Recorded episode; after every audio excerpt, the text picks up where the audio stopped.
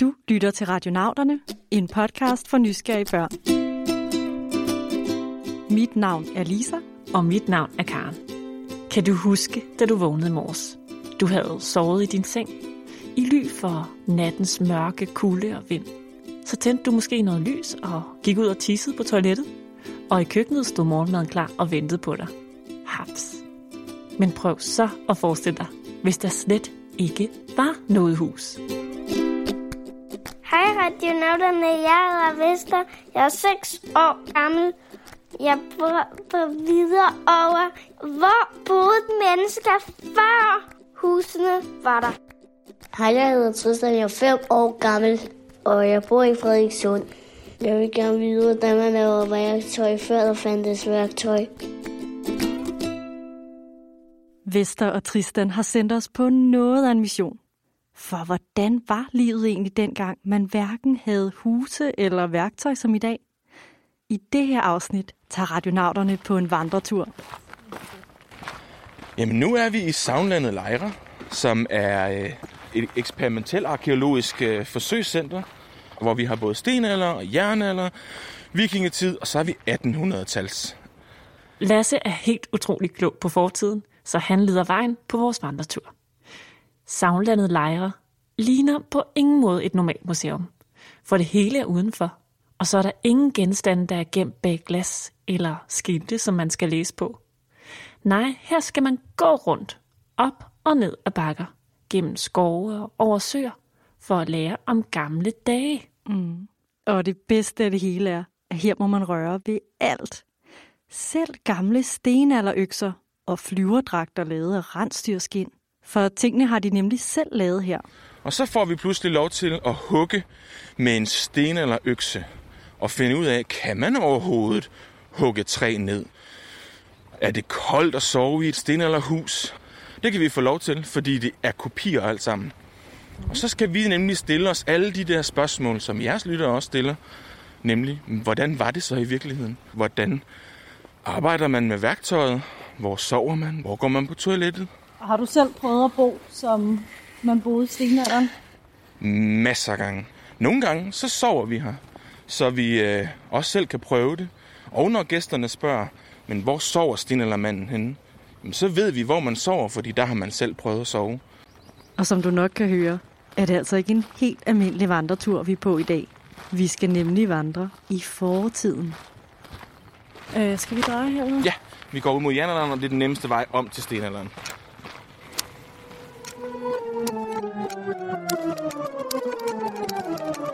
Mens vi vandrer tilbage i tiden, begynder landskabet at ændre sig.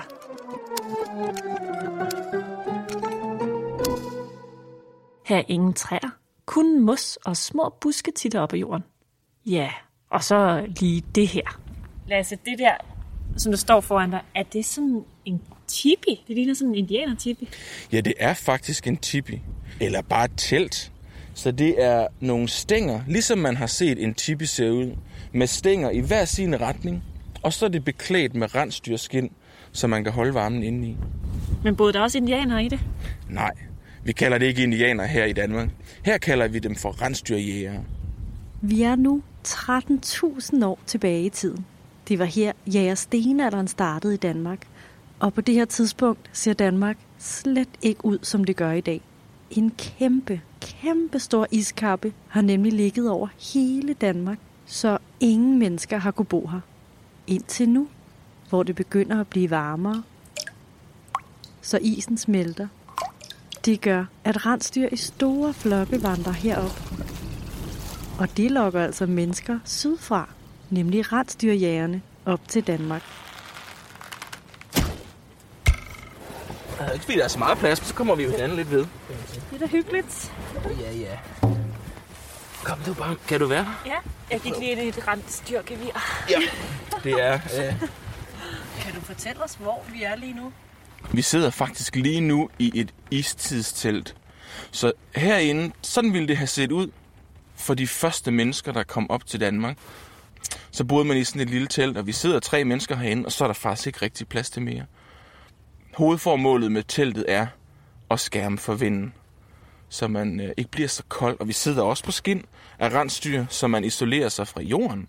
Og man kan allerede mærke nu, hvor, hvor meget mere behageligt her er. Og vi kan altså lige så godt afsløre, at det på ingen måde ligner et hus, men nærmere et legetelt, som man kender det fra haven. Mm. Men det her telt, det var altså rensdyrjægernes hjem. Her både sov de og lavede mad over bål. Her er ikke ret meget plads, men jægerne boede her altså også kun i den varmeste tid på året, og uden deres familier. Men kan du forestille dig det? At flytte et sted hen, hvor der aldrig nogensinde har været mennesker før? Så det var ikke sådan helt lige til at skaffe ting og sager. Jamen, da de første mennesker kom herop, så var der ikke nogen spejdersport. Eller noget sted, man kunne købe sine ting.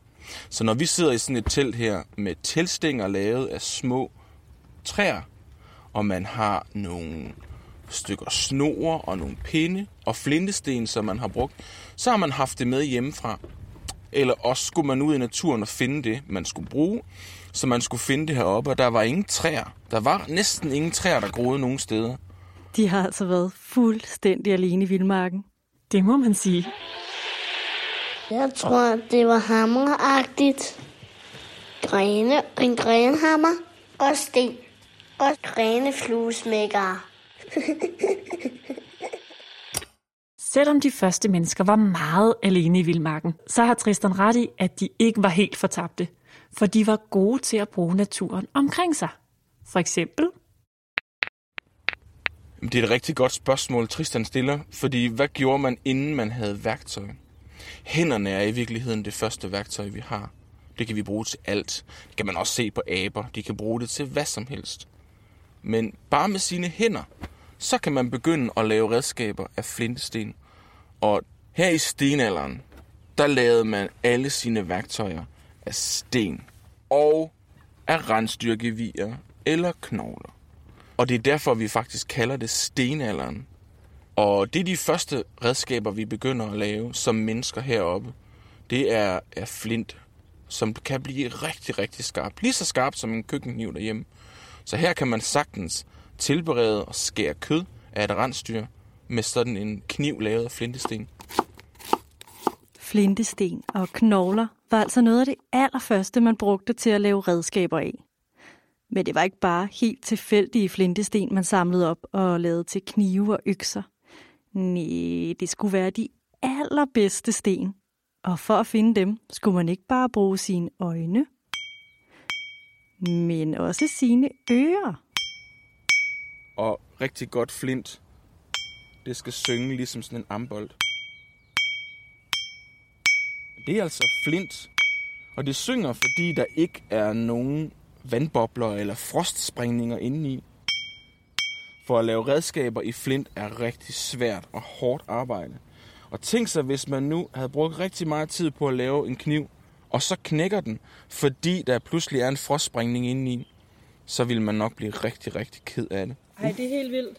Det lyder slet ikke som sten. det lyder Nej. overhovedet ikke som sten. Nej. Nej. Ja, og nu er det din tur til at lytte godt efter. For nu er det tid til en udfordring. Kan du høre, hvad det er? De er flotte at se på, og for nogen en meget lækker spise. Men så afslører vi heller ikke mere. Du får svaret sidst i afsnittet.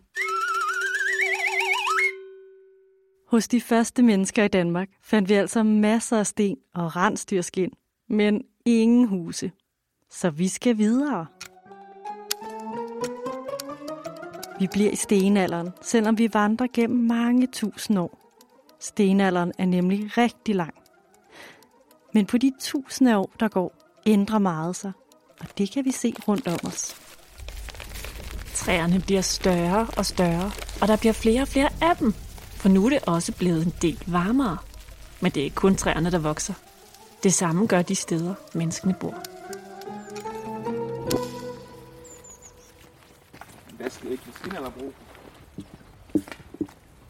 Og nu kan I se, at vi går sådan her igennem skoven. En rigtig vild skov nu. Går på en lille sti, som kunne være trampet øh, helt øh, tæt her af, af stenalderfolkene, fordi de hele tiden skal ud i skoven og finde øh, nødder og bær og alt muligt. Nu hvor skoven er så frodig, men den er helt vokset til. Og straks så kommer vi op til en rigtig stenalderhytte. Åh oh, ja. Her vil jeg gerne bo. Har også lækkert. Nu er vi i det, som vi i Danmarks historien kalder ærtebølletid. Det er 7.000 år siden. Vi er jo stadigvæk i stenalderen. Nu begynder vi for alvor at blive boende her hele året rundt. Så når vi kigger rundt om os, så har vi først hytten, lavet af siv, og der er koskin på taget. For nu begynder man at have køer, urokser og sådan noget herhjemme. Og øh, indeni der er mere plads, der er bålsted i midten. Og rundt om os på bopladsen, så ser vi alt fra udendørs bålsteder, der hænger fiskenet, og man laver ting til at fange fisk i, fiskeruser. Man har brændeskjul, steder man tør kød. Man har stammebådene, en lille bro ud i vandet.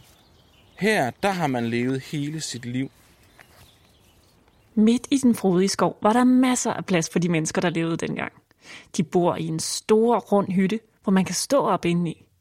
Men man kan altså ikke se nogen naboer. Bare en masse skov og en sø med siv, som man blandt andet har brugt til at bygge hytten. Okay, skal vi gå ind og kigge? gå ind i. Der er, der er en lille mus derovre. Men han, Hvor er der en mus? Der var en lille mus lige der.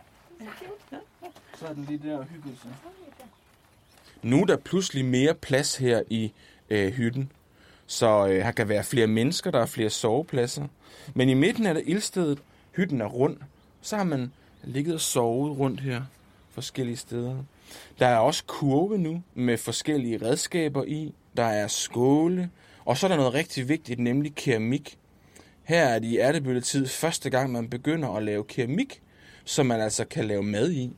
Ellers så har man bare stigt sine ting hen over bålet. Men nu kan man altså koge suppe og lave havregrød, eller hvad det nu har været. Der er tasker, sko, jagtudstyr, alle mulige ting, som man har brugt for at have sit liv herude. Der er altså virkelig sket noget siden rensdyrteltet. Og det er helt tydeligt, at man nu har en frodig natur til at finde ting i, til at bygge, lave redskaber og tøj af. Men hytten har stadig kun et stort rum, hvor hele familien bor sammen. Og på den her tid boede man ikke kun sammen med sine forældre, men også med sine bedsteforældre, onkler, tanter, kusiner og fædre. Ej, prøv at tænk at bo sammen med sine fædre og kusiner. Det lyder da bare virkelig hyggeligt. Mega. Men pladsen har jo nok været lidt trængt, og man havde altså ikke lige et værelse at gå ind på og høre radionauterne, hvis nu lillebror blev irriterende. Jeg tror, at de laver med sten, og de laver med pinde. Leg, leg, leg. Slåsleg og gemmeleg og fangeleg. Hjælpede sin mor og far med at lave mad. Plukke gulerødder ud af sin køkkenhave. Og Dejligt og rart. Og nok også lidt farligt. Man står op, når solen står op. Og så har man opgaver med at fange fisk, hjælpe sin mor og far. Det er ens mor og far, der hjælper en med at lære alle de ting, man nu skal lære, når man er sten eller barn. Hvordan man laver redskaber, hvordan man fanger fisk, hvordan man jager, laver fælder ude i skoven, samler bær og nødder, hvordan man tænder ild, finder brænde.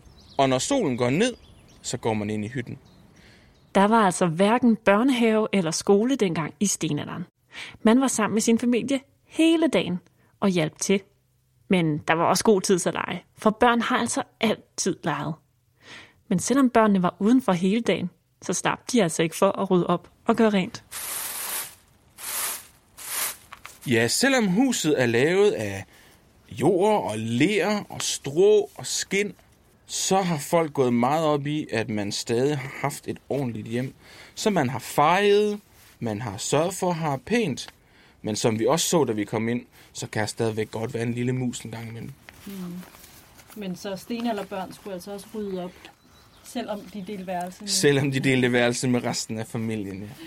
Men når man nu alligevel havde lyst til lidt fred fra resten af familien, så kunne man jo gå udenfor i den store tætte skov. Og det var de faktisk nødt til at gøre flere gange om dagen dengang. For måske har du tænkt over det. Der mangler nemlig noget derinde i hytten. Et toilet selvfølgelig. Ja, yeah. tisserlort, lort, det måtte man altså lave ude i skoven. Og så tørre sig med det, man fandt. Mos, blade eller bare hånden måske. Og så kunne man gå ned og vaske sine fingre ved vandet. Så det der med at gå på toilettet har nok altid været en god måde at få fred for sin familie på. Ja. Men Lisa, selvom der virkelig er fint her på Stenalderbopladsen, så er der altså stadig lige et godt stykke vej til, hvordan vores huse ser ud i dag. Så skal vi ikke videre? Jo, vi skal det. Nu går vi endnu flere tusinde år og bevæge os ud af stenalderen og ind i en ny alder, hvor man i stedet for sten brugte jern til sit værktøj. Nu er man begyndt at fælde en masse træer til at bygge huse af.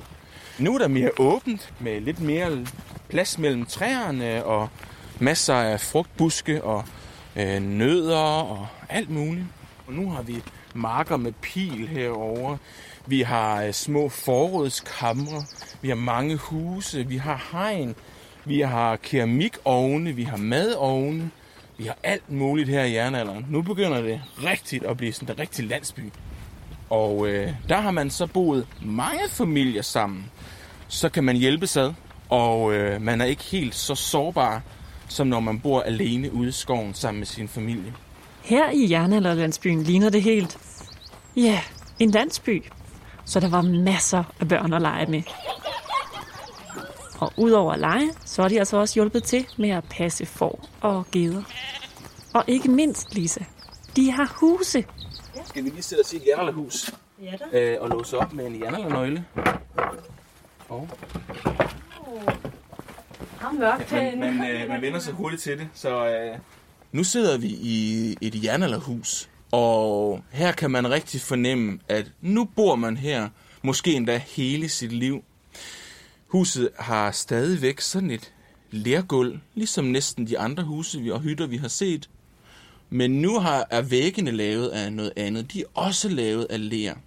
Taget er lavet af strå, ligesom man ser på en bondegård i dag. Et stråtag. Men i jernalderhuset er der altså stadig kun ét rum, som hele familien bor i. Og endda også dyrene. Og så er der altså hverken lamper, fjernsyn eller fliser med gulvvarme i. Men til gengæld har husene nu fået små vinduer og døre. Og så er der også kommet møbler, skamler, borer og senge at sove i. Og i midten af huset har man stadig et stort ildsted. For det er nemlig det, der giver varme, men også lys. Fordi vi stadigvæk arbejder rigtig hårdt hele familien, så står vi op, når solen står op. Og når det så solen går ned, så går vi ind i husene. Og så er der mørkt. Men så tænder man jo ild midt i huset. Og så ændrer huset også lidt karakter. Skyggerne, de forsvinder lidt og flakker rundt. Men så kan man sidde her rundt om bålet, mens måske de voksne laver mad. Mens børnene måske ligger over i sengen med forskin trukket helt op om ørerne. Og så kan de lytte til de historier, som de voksne fortæller. Det lyder altså bare så hyggeligt. Tænk at ligge der i mørket og høre historier. Men faktisk er det noget, som du også kan prøve. For her i Savnlandet Lejre kan man faktisk prøve at bo præcis som man gjorde i jernalderen. Med sin egen familie. Det kan man. Og det er lidt fantastisk, at vi sådan har kunne vandre rundt i fortiden i dag. Og selvom jernalderhuset på mange måder ligner et hus, og på andre måder slet ikke gør, så har det altså været et rigtigt hus for folk, der boede i jernalderen. Præcis. Men huse med flere værelser kom altså først meget senere. Og huse med elektrisk varme og lys kom først endnu senere. Og så langt kan vi altså ikke vandre i dag. Mm-mm. Men der er lige en ting til, vi kan nå. Nemlig udfordringen. Havde I gættet det? Det er lyden af muslingeskaller. Det er det nemlig. For tilbage ved ærtebøllehytten i stenalderen fandt vi nemlig en kæmpe bunke af muslingeskaller. Muslinger og øster spiste man nemlig mange af dengang, og af skallerne lavede man flotte perler og smykker. For selvom et barn i stenalderen boede i en primitiv hytte af siv og ler, så mindede de altså stadig meget om dig og mig, og kunne altså også godt lide at pynte sig. Det er altså ret sjovt at tænke på. Så tusind tak til Vester og Tristan for at sende os på fortidsvandretur. Også tak til Lasse Stockholm Nielsen, publikumschef på Savnlandet Lejre, for at vise os vejen. Husk, at I altid kan finde os på vores hjemmeside, radionauterne.dk, på Facebook og Instagram. Tak fordi I lyttede med.